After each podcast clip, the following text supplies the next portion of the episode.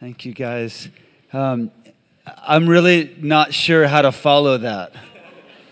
Um, so I'm going to invite the worship team up again uh, so that we can prepare our hearts and connect to Jesus again rather than the pants you were wearing. And um, God, help my mind right now. We just pray for the healing of minds and eyes. And um, hey, so before before I share a word with you tonight, and I'm I'm uh, I'm I'm super honored that you had me back after last night. So I'm just honored to be invited back. So apparently it was okay. So, um, but I have a I have a gift for um, my dear friend Elling.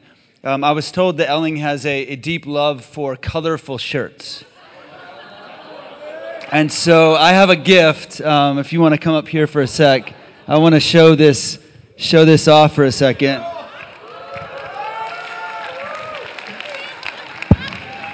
Okay, so um, it, it, it, says preachers, and uh, and this this is a uh, a beautiful tie dye shirt from the heart of California.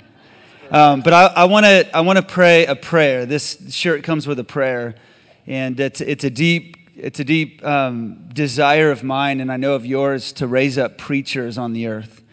And so I want to, if, if, you're here and you feel called to preach, and uh, that, that you've seen yourself, maybe you're already preaching or teaching in a context, but there's a call in your life to preach the word, to preach the gospel, um, to, to use your voice, the storytellers, the, the prophets, and the poet preachers of a generation. If you know that's you, whether you're young or old, if you would just stand right now, I want to I wanna pray a prayer.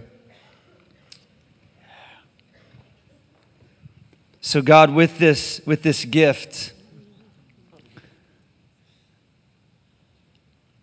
that Elling will wear this next Sunday when he preaches. And a fresh anointing will come upon his life because of it, Lord. Uh, God, we ask, we ask that you would raise up preachers in Norway and in Europe. People so fascinated by the Word of God people so captured by the story of God, the narrative of God. God, in the modern chaos where everyone's writing their own story, God, we just pray that you would raise up. I'm asking right now that you'd anoint women and men to preach your word with boldness, God. That you would raise up poets and prophets and preachers and pastors. God, that you would raise up storytellers, filmmakers, and writers that communicate and preach the Word of God in a way that awakens and anchors a generation to your presence, God. And we just pray that in our day we would see a, the, the greatest move of God and a love not just, God, not just for God worship, but for your word. We pray this in the powerful name of Jesus. Amen. Come on. Come on. Yeah. Um, hey, I've got just a couple of words I wanted to give for people, if that's okay. Um, but then when I found out Shawn Bolz was coming, I got a little intimidated. so uh, that's okay. Um, but so the, the young man there in the brown shirt, if you'd put your hand up or stand up. Yeah, what's your name? Pyros? Okay, where are you from? Ghana. Okay. Hey, as I was worshiping, I, I looked back and I just sensed like the Lord highlight you. And um, I, I just saw God has stirred a dream in your heart. And, and I heard the Lord say, I've seen the dream and I love the dream in your heart. And, uh, and, I, and I heard this phrase that God wants to give you the streets. He wants to give you the streets. God wants to take the streets back. And, uh, and he, God, like a father, stands behind you as an armor bearer because he believes in you. I know you believe in him, but he believes in you deeply. That you carry something so special. And, and I, I, heard, I heard the Lord say the same thing he said to um, Elijah in the cave. He said, Go back the same way. And that there are many others that carry the same dream you carry. And uh, God's going to align you strategically with people that have um, the resource. I just heard the Lord say, everything you need for the dream, He's already giving you. And so we just bless you. We bless you. God sees the dream in your heart. Um, I hear the Lord say, keep dreaming. It's not big enough. It's not big enough. It's got to be bigger. It, it, it has to be a dream you can't accomplish without Him. And I just pray, God, I see him standing behind you. Father, God, you love the dream in this man's heart. And we just say, Would you anoint him, God? Would you come upon him with such a dream? Would you give him the streets again, whatever that means? Give him the streets, God. Give him the streets, a revival in the streets. And we pray this in your name, Jesus. Amen. Amen. Come on. Wow. Um, there was a, a man over here with a hat and a good looking beard right there. If you'd stand up for a second. What's your name? Walla? Walla. Okay, I won't try. Um, as we were worshiping, and I just kind of looked over there, and as I saw you with such a sincere heart of worship after God, such a deep well, and I heard the Lord say, He's a deep well. He's a deep well, a deep soul. God's looking for deep people, people willing to stay in His presence long enough, um, willing to climb the mountain, willing to dig the deep wells of God. And, and I actually I saw you with, you know, kind of outdoor gear, um, um, kind of seeking the Lord and having encounters with God in, in the outdoors. And, uh, and, then, and then I saw this interesting picture. I felt like the Lord, you, you were a prototype or a representation that, that God is raising up um, deep souls. I heard the word like theologians, like deep souls willing to wrestle with the deep theologies of God. And, and I heard the Lord say to you, write it down, write it down. That whatever He's doing in your heart, it's time to write it down. And I want to pray and I want to bless you, but I, I, I want to pray not just for you, but through you because I, I, believe there are many in this room that, that are actually theologians. And that word scares us. Um, but all that means are, are, people that are willing to go to the deep places with the Lord and, uh, and learn how to express them through their life. And I believe there's writers in this place um, that are meant to write it down. And, and so I just want, if that's, if that's you, if, if, you're, if you're called to write or you, you feel a stirring um, to, be, to be a theologian or one who, who, who will wrestle with God long enough to walk away with a limp that's uh, a theologian is somebody that's, that's gone deep enough with God that they have something worth writing with their life. And so if you feel a call to that, if you just stand where you're at, and I'm going to kind of pray for you, and, and just wait a second. Deep souls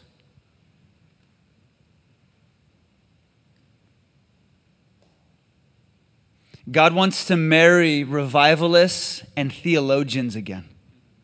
God wants to get revival back into theology and theology back into revivalists. And there's a marriage of theology and revival in our day. And we need the revivalists, they're out in front and they'll go anywhere for God. And we need the theologians that keep the church just grounded in the deep realities of God. And so I just, we pray, we bless you.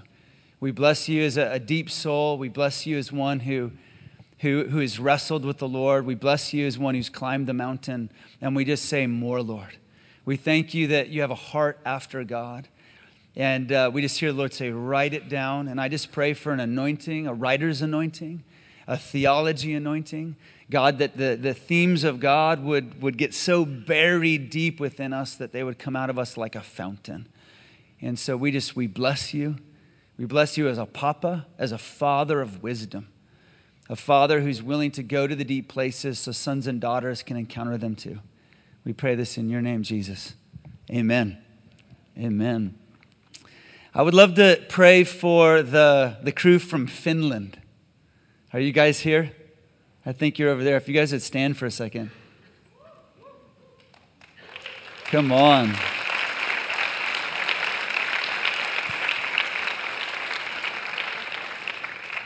So uh, as, as we were worshiping, I just had this, this vivid picture of a stream through Finland. and the stream became a river. I saw like a river running through Finland. And as I prayed into it, it, it was a picture of like Ezekiel's river. And, and the, the water from, from the temple, um, you know, from Ezekiel's river, um, it poured out from the temple. And the further it went into culture, the further it went into the city, um, the greater the river became. And so I saw this move of God in Finland, this river going through Finland that, that might seem it might seem insignificant, but the further that it touches the city, the greater the river is going to become. And then I saw this, this move of God among the youth in Finland. And, uh, and they had buckets. And I saw, like your crew, you were giving young people buckets. And as this river of God moved, um, they, they took these buckets and, and it, they seemed so small. It was they, they wanted the buckets to be bigger. But as they gave the youth buckets, they, they had water, and, and the Lord said, It doesn't matter how big the bucket is, it's water and it's life to souls around them. So I felt like the Lord said, You can't measure it by the size of the bucket you have, but you've got to keep giving it away, and God's going to keep filling the bucket you have. That you're going to measure, you're going to measure what God's doing, not based on how big the container is, but your ability to empower people and get buckets in their hands. And so we just pray for a bucket anointing.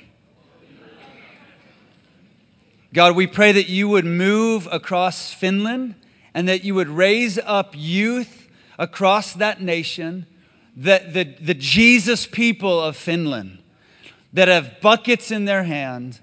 And, and though it may seem like a small bucket, it's filled with God and that's all God wants. He's saying, Bring me your buckets, and I will fill them. And as you pour them out, the water will never go dry. And so we just, we, we just ask for a grace and an anointing to see young people and get buckets in their hands. And we just pray that in our day we would see a move of God in this nation. We pray this in your name, Jesus. Amen. Amen. Come on. All right. If you guys would turn to Acts chapter 16. And God, as we open up the word, God, I pray that you would open up hearts. God, as I preach, God, I pray that you would release miracles across this place. God, that faith would rise in this place, that mindsets would shift. God, that no matter how great my word is, that your word would prevail in this place. God, that ears would be open, that eyes would be open. And God, I pray that as I, as I preach, as I do my best to share this word, God, that revival would break out in the hearts in this room, God. That you'd have your way. That's what we want, God. That you'd have your way. Acts chapter 16, verse 16, it says this one day as we were going down to the place of prayer, we met a slave girl who had a spirit that enabled her to tell the future. She earned a lot of money for her masters by telling fortunes. She followed Paul and the rest of us shouting, These men are servants of the Most High God, and they have come to tell you how to be saved. Isn't it interesting that throughout the Bible, people are confused about who God is, but the demons are never confused about who God is. The demons are prophesying. This went on day after day until Paul got so frustrated that he turned to the demon within her and said, I command you in the name of Jesus Christ to come out of her. And instantly the demon left her. Here's Paul and the crew, and they're just going to pray and there's something that happens when you live a life of prayer. When you live a life of prayer, you don't have to find the kingdom, the kingdom finds you. And here's this moment where they're so bothered by this demon that has possessed this young girl that keeps shouting out at them that Paul gets so frustrated with the demon that he casts it out in the name of Jesus. And immediately the demon left. But her master's hopes of wealth were now shattered. So they grabbed Paul and Silas and dragged them before the authorities in the marketplace. The whole city's in an uproar because of you.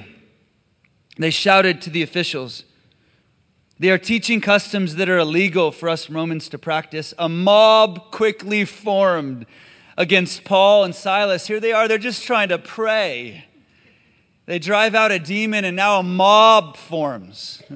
Welcome to the Bible. They get dragged before the, the city council. And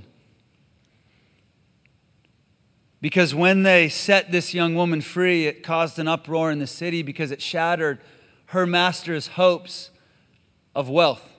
Isn't it so interesting what happens when God shows up? When God shows up, when the kingdom of God comes, it, it really does expose the kingdoms of this world.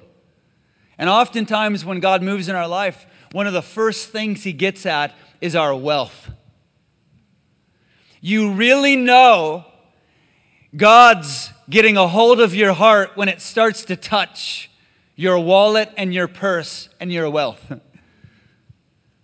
but many, they don't actually want God in their life because they love to worship Him on a Sunday, but they don't really want to give to Him with their lives. A mob quickly formed against Paul and Silas, and the city officials ordered them stripped and beaten with wooden rods. They were severely beaten then thrown into prison. The jailer was ordered to make sure they didn't escape. So the jailer put them in the inner dungeon and clamped their feet in stocks. It says around midnight, Paul and Silas were praying and singing hymns to God, and the other prisoners were listening. So here's this, this famous story of Paul and Silas in prison. They, they're beaten severely, they're whipped, almost to death. They're thrown into the inner dungeon, their feet, their hands clamped in stocks. And it says that Paul and Silas, they begin to pray and sing. I don't know what you would do in the prison, but I don't know if the first thing I would do is sing. they begin to worship God.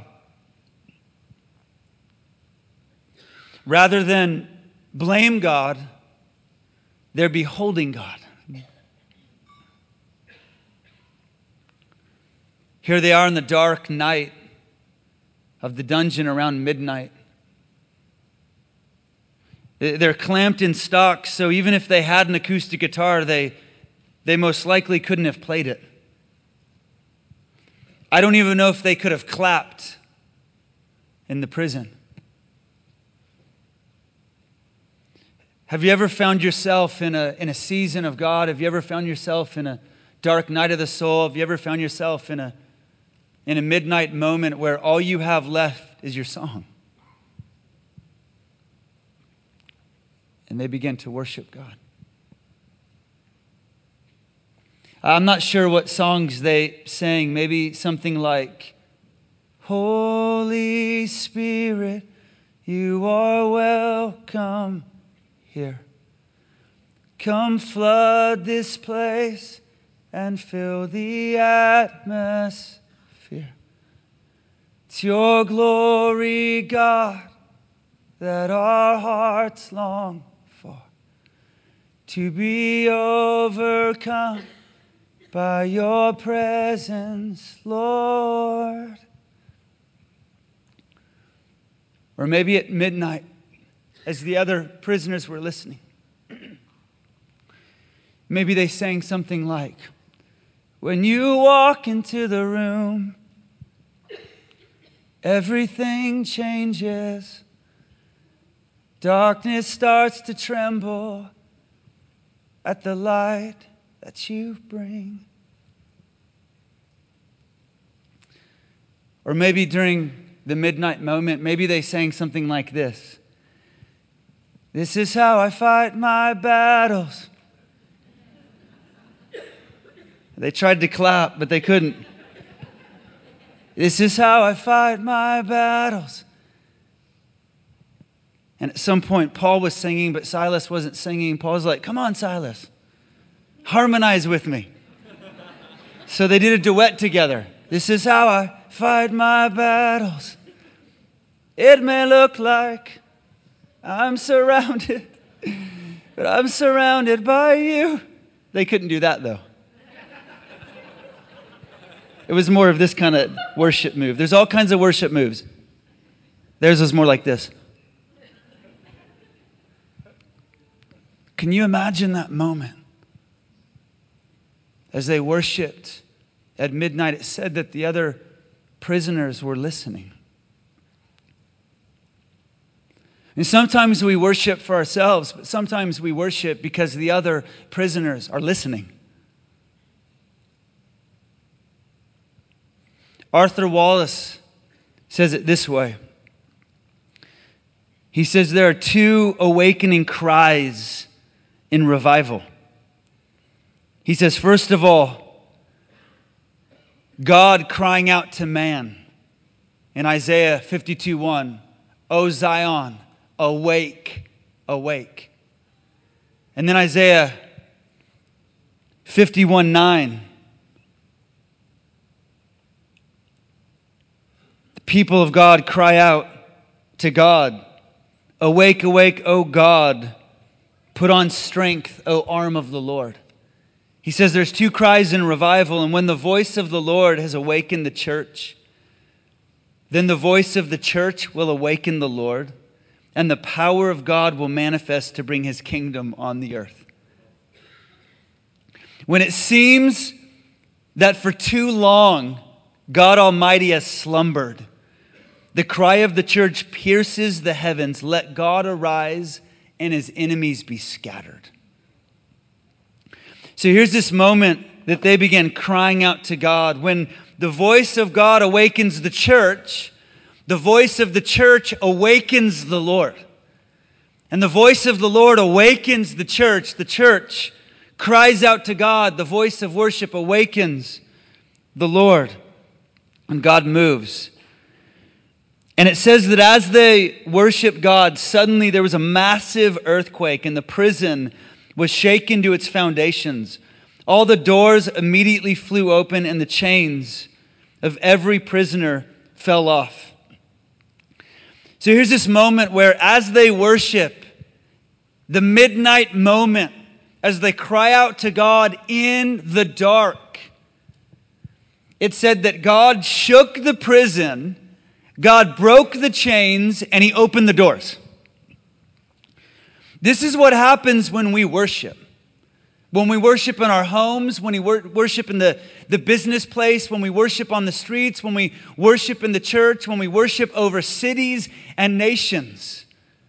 When we worship, what God does is He shakes the prisons, He breaks the chains, and He opens doors. So here's God shaking the prison. I can't wait to get to heaven to watch the film of the Bible. To watch these stories in the reality that they happened. To see Paul and Silas, I don't know if they expected this, but as they worshiped, God shook the prison, opened the doors, broke the chains. The Bible says he broke the chains off every prisoner. Isn't that so wild that he, he doesn't just break their chains, but everyone's chains. Worship is far more powerful than we understand. Too often we're just worshiping for ourselves. We need to learn how to worship for cities, worship for regions. During worship, I, I had a, a, a, picture of uh, Vaso, uh, of the, the worship movement in your city and, and I saw you with these little flags over regions. And I saw you and worshipers going into regions and reclaiming them for Jesus. And, and, and, the Spirit of God coming and breaking chains and opening doors and shaking prisons in these regions. And I had this sense that the Lord said this He said to you what He says to Joshua that wherever you go, it's ground that I've already given you. So be strong and courageous. Be strong and courageous. Be strong and courageous. To the depths that you're willing to go and put flags and say, We're going to worship in this place, the Holy Spirit's going to come and flood that place. And then I saw, do you, do you have kids?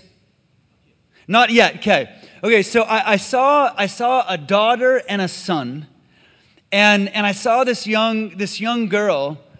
She was the older of the two, and I saw the Lord anoint her lips. And, and it was it was a picture of, of God restoring the voice of women in Albania. And I saw the Lord anoint her lips as she was preaching the word of God. And as she preached, um, the, the, the dry bones of the church of Albania began to rise up like an army again. And, then I saw um, a boy who was younger than her, and I saw you put a guitar in his hand, and he released a sound in your nation. So as she spoke the word of God, he sang this song, and as he sang, this army began to dance and worship the Lord. When we worship God, God breaks chains, He opens doors, and He shakes prisons, doesn't He? But, but here's the thing we, we all expect that. This is the Bible.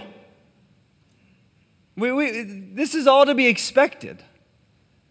There, was, there wasn't one person in this room that when I said they worshiped and God shook the prison, there wasn't anyone in here thinking, God can do that? No one here was surprised by this story. There wasn't a person in here that thought, wow, I didn't know God had it in him. We expected that. It's like watching the movie where we already know the ending. Of course, when we worship, God shakes prisons and opens doors and breaks chains. That's what God does. We're not surprised by that. But what happens next in the story is very surprising. What happens next is very unexpected. Because it says this it says, Then the jailer awoke. And he called for the lights. When he saw the prison doors wide open, he assumed the prisoners had escaped, so he drew his sword to kill himself. But then Paul shouted to him, Stop, don't kill yourself. We're still here. So here's the moment that the jailer, he, he, he sees the prison doors open. He assumed that Paul and Silas left. And because of that, he got so scared, he drew his sword to kill himself. So Paul shouts out to him, Don't kill yourself. We're still here.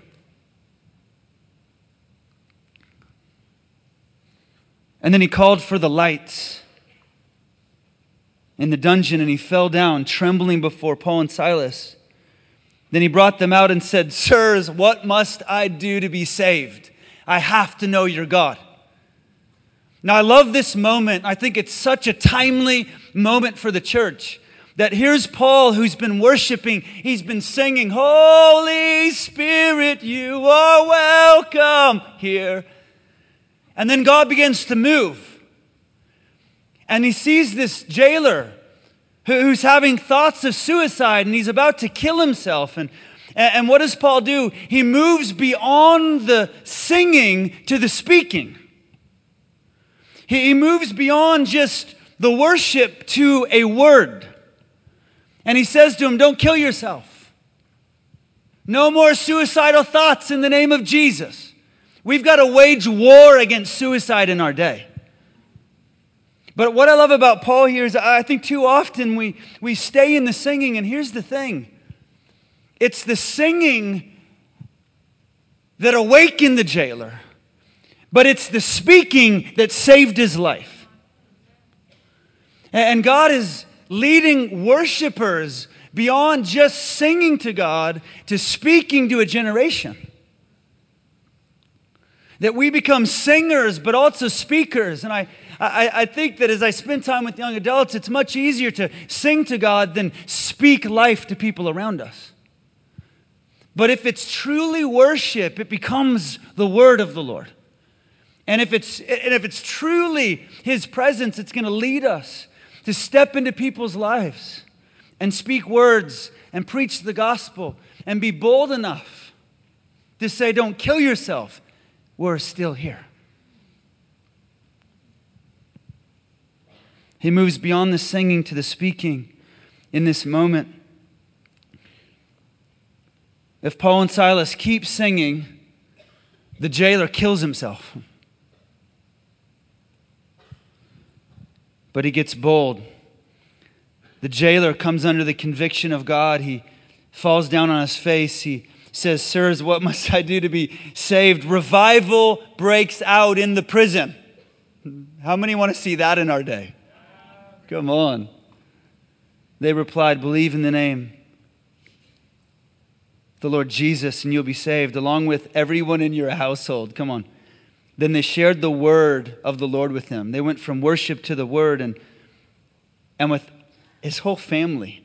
Even at that hour of the night, the jailer cared for them and washed their wounds. Then he and everyone in his household were immediately baptized. They waste no time. He brought them into his house, set a meal before them. And this story is so stunning. It, the very jailer watching them is now washing them. This, this story moves from a mob to a meal. And now they're in the jailer's house. They're baptizing his family. They're worshiping, they're rejoicing. So I've heard this story preached my whole life. And I've preached this passage a few times. But it's only been in the last couple years that I even saw the verses about the jailer's home and his family. I, I was reading it recently and I was like, whoa, I've never seen this before. Did someone add this to my Bible? I knew about the revival in the prison, but I, I, didn't even, I didn't know about the revival in the home. It's so interesting that we, we see those things we want to see. I think some of us, we have our greatest spiritual encounters with God in church because this is the only place we expect Him to move. If church is the only place you expect to see God, it's the only place you'll see God. Because we tend to see Him where we expect Him. If we started expecting to see God in our homes, I think we'd see revival in our homes. If we expected to see Him in in, in government, if we expected to see him in the arts, if we expected to see him on the construction site, in the engineering office, we'd start to see revival in places because we only see God where we expect God. I've heard this story for years, and I had no idea that this revival moved from a jail into a home. I thought the greatest worship in this story was Paul and Silas, but they were just getting started. The greatest worship in this story wasn't in the prison, it was when an entire household met Jesus for the first time. And they rejoiced in God.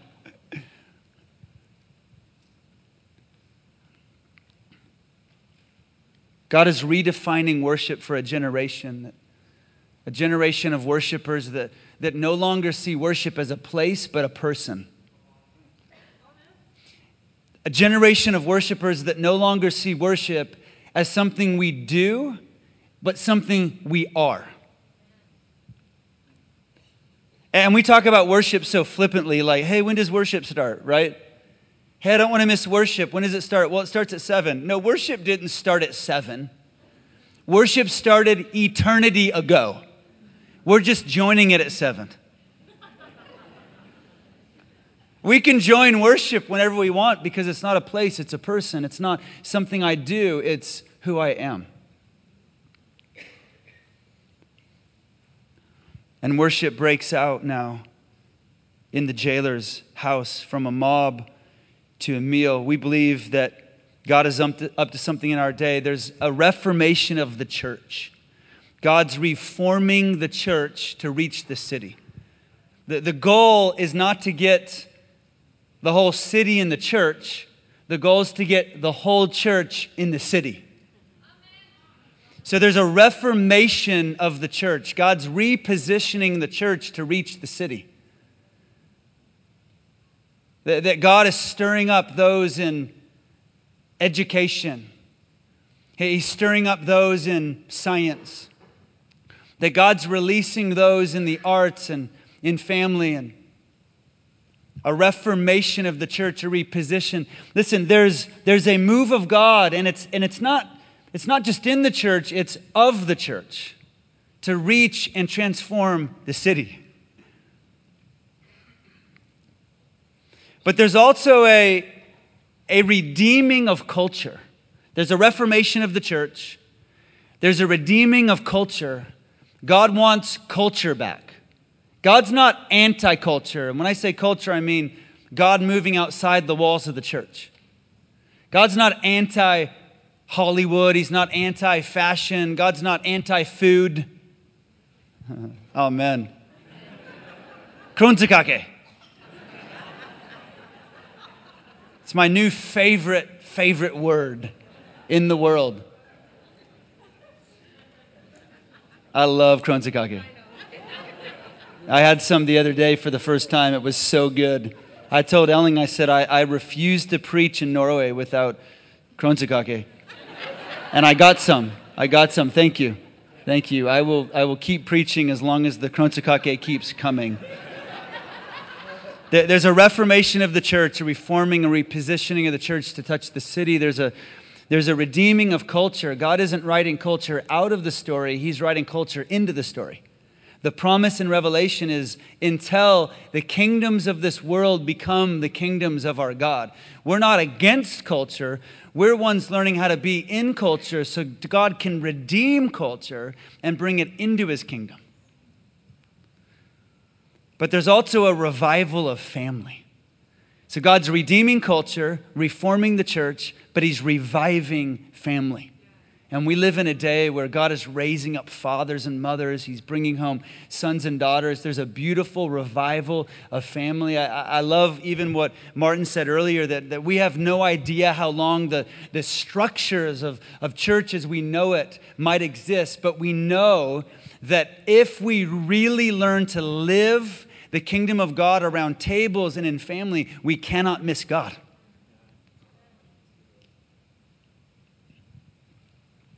And so here they are throwing a party, a revival party in the prison. Everyone in his house believed in God. I'm so stirred by this, this story, but recently I was reflecting on it and, and I had this thought. I had this thought that if I were Paul and I were Silas and I were living out my Acts calling. It says in the book of Acts that God filled them with the Spirit, that they were baptized with the Spirit. So here they are learning how to live the Spirit of God, live the fire of God, live the kingdom of God in their cities and to the ends of the earth. So God shows up in Acts 2. The rest of the book of Acts is they're just learning how to live the encounter every day. It's one thing to encounter the Holy Spirit, it's another thing to carry the Holy Spirit. It's one thing to have an encounter with God in worship, it's another thing when you learn to worship everywhere you go, every day. We don't need another outpouring of worship on a stage. We need worshipers whose everyday lives become an outpouring of worship. And I think too often we're crying out for God to do in church what He actually wants to do on Wednesdays. How often are we in church and we're, we're, we're, singing songs like Elijah, you know, fire fall down. We're crying out for the fire of God to fall down. And God's like, I'd love to send fire, but, but Elijah's situation was so different. It was life and death. Or sometimes we're singing the song, you know, you split the sea so I can. We're asking God to split the sea. And God's like, I'd love to, but there's no sea, just a worship team. Do you want me to split the worship team? Where we're crying out, God, would you give us, would you anoint us like David to kill the giants of our day? And he's like, Yeah, it's awesome, but first you have to find a giant. So sometimes we're praying prayers on a Sunday that God's, He's just looking for someone who will believe Him on a Thursday. And I think some of us, we have to take these songs we love and put ourselves in situations where the songs make sense. Where if God doesn't show up, I'm bound to fail. So if I'm Paul and I'm Silas and, and I'm living out the, the Acts call on my life and I end up getting thrown into a prison and I'm in the inner dungeon, I'm in the dark night of the soul I think I might have prayed something. I, I might have prayed something like this God, would you shake the prison? God, would you open the doors? And God, would you break the chains? I think I would have prayed that. Anyone else have faith for that? I would have prayed that. Oh God, get me out of here. Oh God, shake this thing. I shouldn't be in prison. I'm trying to follow the call of God on my life. I don't know how I got here. I don't know where I took a wrong turn in life. I must be in the yellow. I think I would have prayed things like, God, get me out. But I don't know if I would have prayed, and God, don't just shake the prison, but shake the jailer. God, would you move in the jailer's life? God, don't just break my chains, but as I worship, would you break the chains of every prisoner in here? I don't think I would have prayed that. I would have been like, my chains, my door. I, I don't know if I would have prayed, and God, the jailer. And, and I'm not sure if I would have had faith to pray not just for the jailer, but his whole family to meet God. God, would you shake this prison and would you shake his prison? And not only the jailer, but his whole family. God, would you move tonight somehow? Would you move in this prison? God, that somehow it touches his life and his whole family would meet Jesus. I, I wouldn't have prayed that. Anybody? Anyone super spiritual in here? I don't know if we would have prayed that. Listen, I just wonder if we're praying the wrong prayers. I just wonder if we're praying small prayers. I wonder if we find ourselves in situations where we're, we're praying, God, get me out, rather than, would you break in? I, I wonder if we're so concerned with our release that we forget what God wants to release through our life. And I think too often we, we end up in, in painful seasons of life and we end up in the, in the stocks and we end up in the unexpected place, the place that God, I was just going to pray and, and, and we drove out a demon and now we've been whipped and we've been beaten and we're left in the dungeon and we don't know how long we'll be in this dungeon. And I think in, in those moments, if we could recognize that maybe they were, maybe God broke the chains and shook the prison and opened the doors not to get them out, but to get God in. I think the greatest miracle in this story wasn't that God opened the doors, it was that Paul and Silas stayed. Whoa. I mean, could you imagine us becoming a people that are so in tuned, or at least curious, about what God might be up to in our lives, the unexpected twists and turns, that rather than running out of the pain, we stay long enough in the pain that the prisoners around us might even get free that the jailer in front of us might encounter God and his whole family might meet Jesus. Do you guys realize that, that sometimes your, your greatest pain becomes your greatest power? Do we understand that the chapters of our lives that we least understand, that, that if we learn to encounter God in the painful, confusing moments of our life, it can bring a mass amount of freedom to people around us. Unless we run from it. And then the jailer kills himself, his family never meets Jesus, and the prisoners are confused and they have no idea who shook anything at all.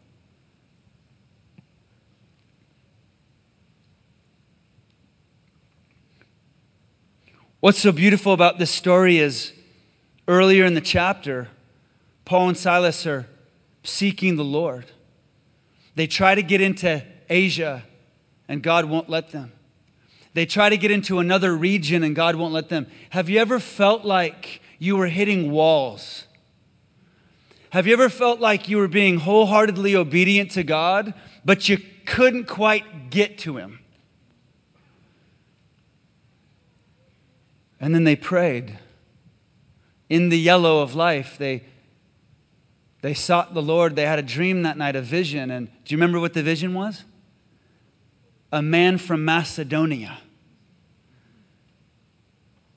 So they're trying to follow God and they're hitting walls. I know there are people in this room that feel like they're hitting walls.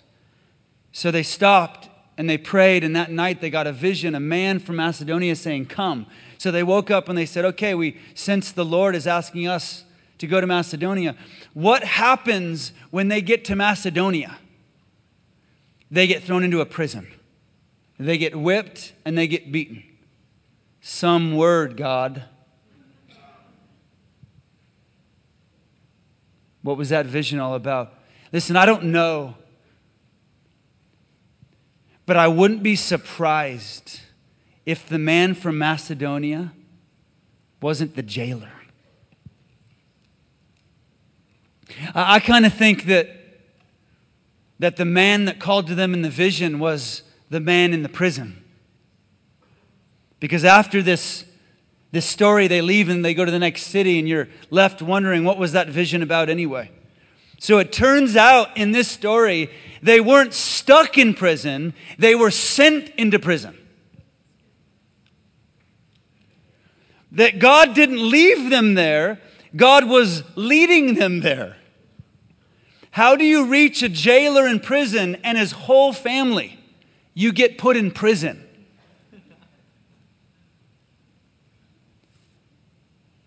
Let's not be confused about God.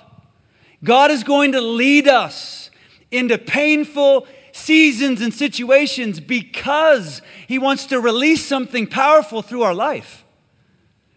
And many of us, we find ourselves in, in prisons or, or pain or a wilderness or a dry season or unexpected twists and turns, and we think God left us there when really God's leading us there.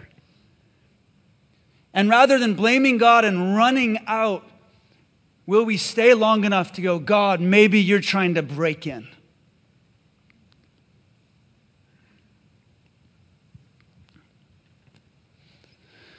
I know in my life, about three and a half years ago, I, I hit a wall an emotional wall, a mental wall, a physical wall. I woke up one morning and I didn't want to get out of bed.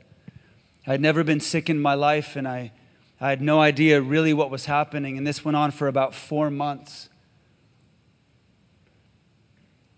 I could barely think.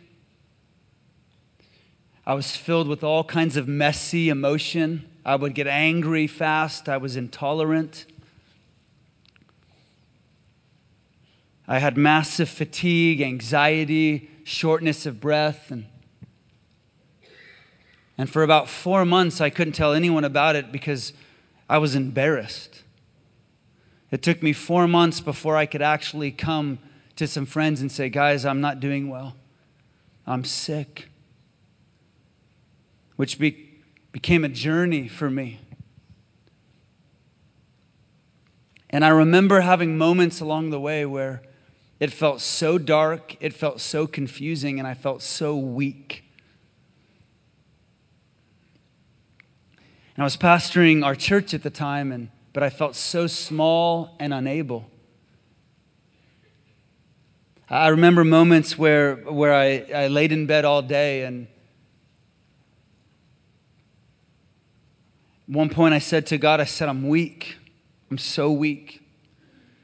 And the Lord said, Then be weak and courageous. So Joshua gets the call of God to be strong and courageous. I got weak and courageous. But the Lord said, You can be weak and courageous.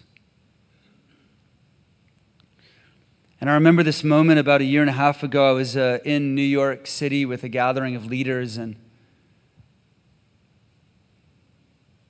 was experiencing all kinds of anxiety and waves of, uh, of sickness, adrenal fatigue.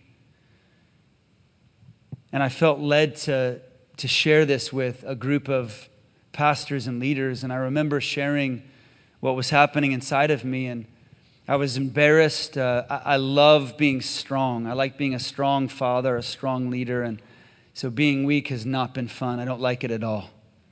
I've told the Lord, thank you for the gift, but you can have it back.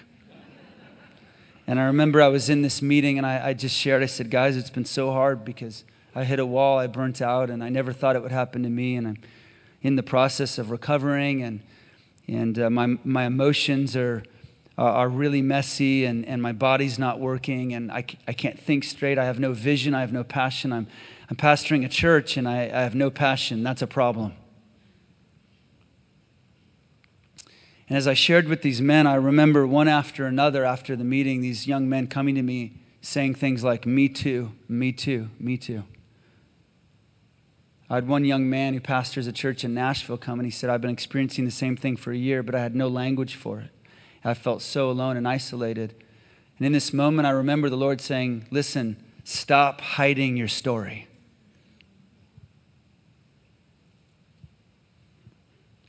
Because, Nathan, you've been praying the wrong prayers. You've been saying, God, get me out of this. And I had been praying, get me out of this. God, open the doors and I will run out of this. God, take this away from me. But God said, maybe, maybe I'm not trying to get you out of it. Maybe it's time to invite me into it. Because sometimes the most painful parts of your story become the most powerful parts. And one of the things I believe God is doing on the earth right now, He's releasing people into the fullness of their stories. What happens is we come to God with our book, and too often we're, we're hiding parts of our story, the parts we're ashamed of. So we bring to God the sexy parts. We bring to Him the trendy parts. We bring to God the parts of our story that we're most proud of. And what we don't realize is the parts of your story that are the most painful are often the parts that are the most powerful. And I heard someone say once, Your whole story reveals His whole grace. So, what that means is when we hide parts of our story, we hide parts of God. When you hide parts of your story, you rob the world of an encounter with God. Because remember, the other prisoners are listening. And in that season, God was teaching me to bring the, the shameful, the embarrassing chapters of my story into community to be vulnerable. There's power in vulnerability. And I know many of us were raised in a generation where you, you don't show weakness at all. And when you refuse to show weakness. You create a culture where hearts get closed rather than opened. And remember, the point of God isn't to get you somewhere, it's to get you open. God wants access to you. The will of God isn't that you get somewhere, it's that you get opened. God's looking for open people. And you can't share your story unless you embrace your story. And so I'm on a journey to embrace my story, parts of my story that I, that I, I would rather not tell. Parts of my story I'm ashamed of and I'm embarrassed of, but we're learning to bring every part of our story to God so He can release us into the, the fullness of our story. Your story carries unbelievable power. Do you want to know why? God's never looked like you before. God has never looked like you. And this is the divine paradox of God.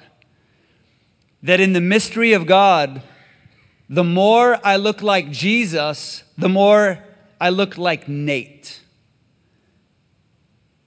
And the more that I become Nate, the more I reveal Jesus. Like Jesus doesn't want to reduce you, he wants to reveal you.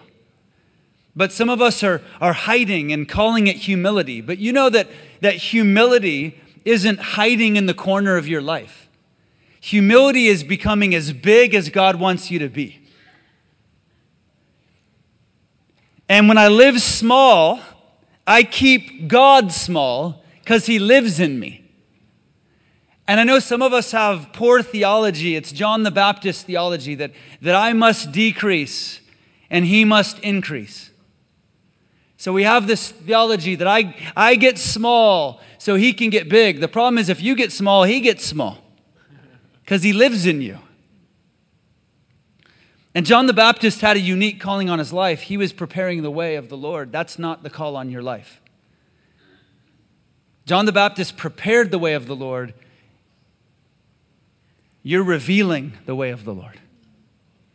Because John the Baptist didn't have Jesus in him, you do. So if Jesus lives in you, you don't prepare the way, you get in the way. And we do it with humility.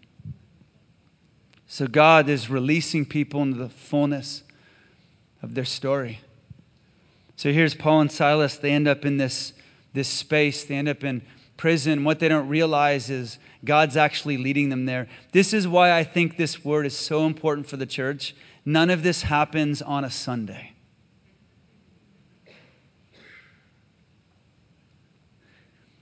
Is there someone in this room who will say, God, you can lead me anywhere, even if I get whipped and beaten, even if I'm mocked and embarrassed? God, will you lead me anywhere? Are there people in this room right now that feel like you're in a prison or a wilderness or the yellow of life a painful season right now and you're wondering, how did I get here? God, get me out. And He's saying, would you just invite me in? Because embracing pain doesn't mean you're weak, it just means you're like Jesus. And I love that at the end of the story, they ran back, whipped and beaten and bloody, and they ran back into community and they gathered and they rejoiced and they praised God. And you know, Paul turned to Silas and said, Bro, it was worth it all. It was worth it all. And you know, they talked about the jailer and his family encountering Jesus. And for a moment, it all made sense to them. So I want to pray for a few things right now, if I could.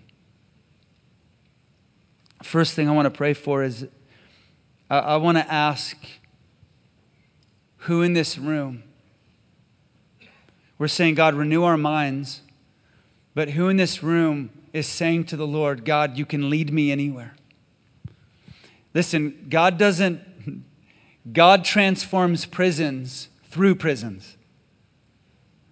God transforms pain through pain. God transforms depression through depression. God doesn't remove it from our life, He empowers us to overcome it. We're saying, God, would you take this out of my life? And He's like, ah, no, but I'll empower you to overcome it. And if you're here and, and you're saying, God, I will go anywhere, God, you can send me anywhere, whether across the street or across the world, wherever it is, give me a vision like the man of Macedonia saying, Come, if that's you, just stand right now. I want to pray for you. I'm going to pray that God would just put courage, courage, courage, faith in us, Lord.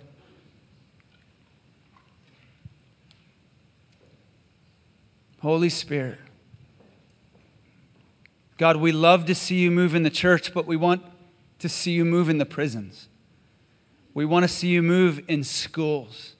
We want to see you move, God, in the workplace. We want to see you move on the streets. We want to see you move, God, in the darkest places of the earth Cambodia, Greece, Madagascar, Nepal. And God, I pray that you would release visions in the same way that Paul and Silas were like, Jesus, we'll go anywhere. God, I pray for visions and dreams to come of people who will actually go and be led, even if it's painful and it costs us, God. We want to see the jailer wake up and encounter Jesus. We want to see his family come to know Jesus. And I ask that you transform our prayer life. God, I'm asking this that I begin to see, God, not just the way out but your way in. God, give us a, a new mindset that when we think we're off track, maybe it's exactly where you're leading us. Holy Spirit, come. Just put your hands out. Holy Spirit, come.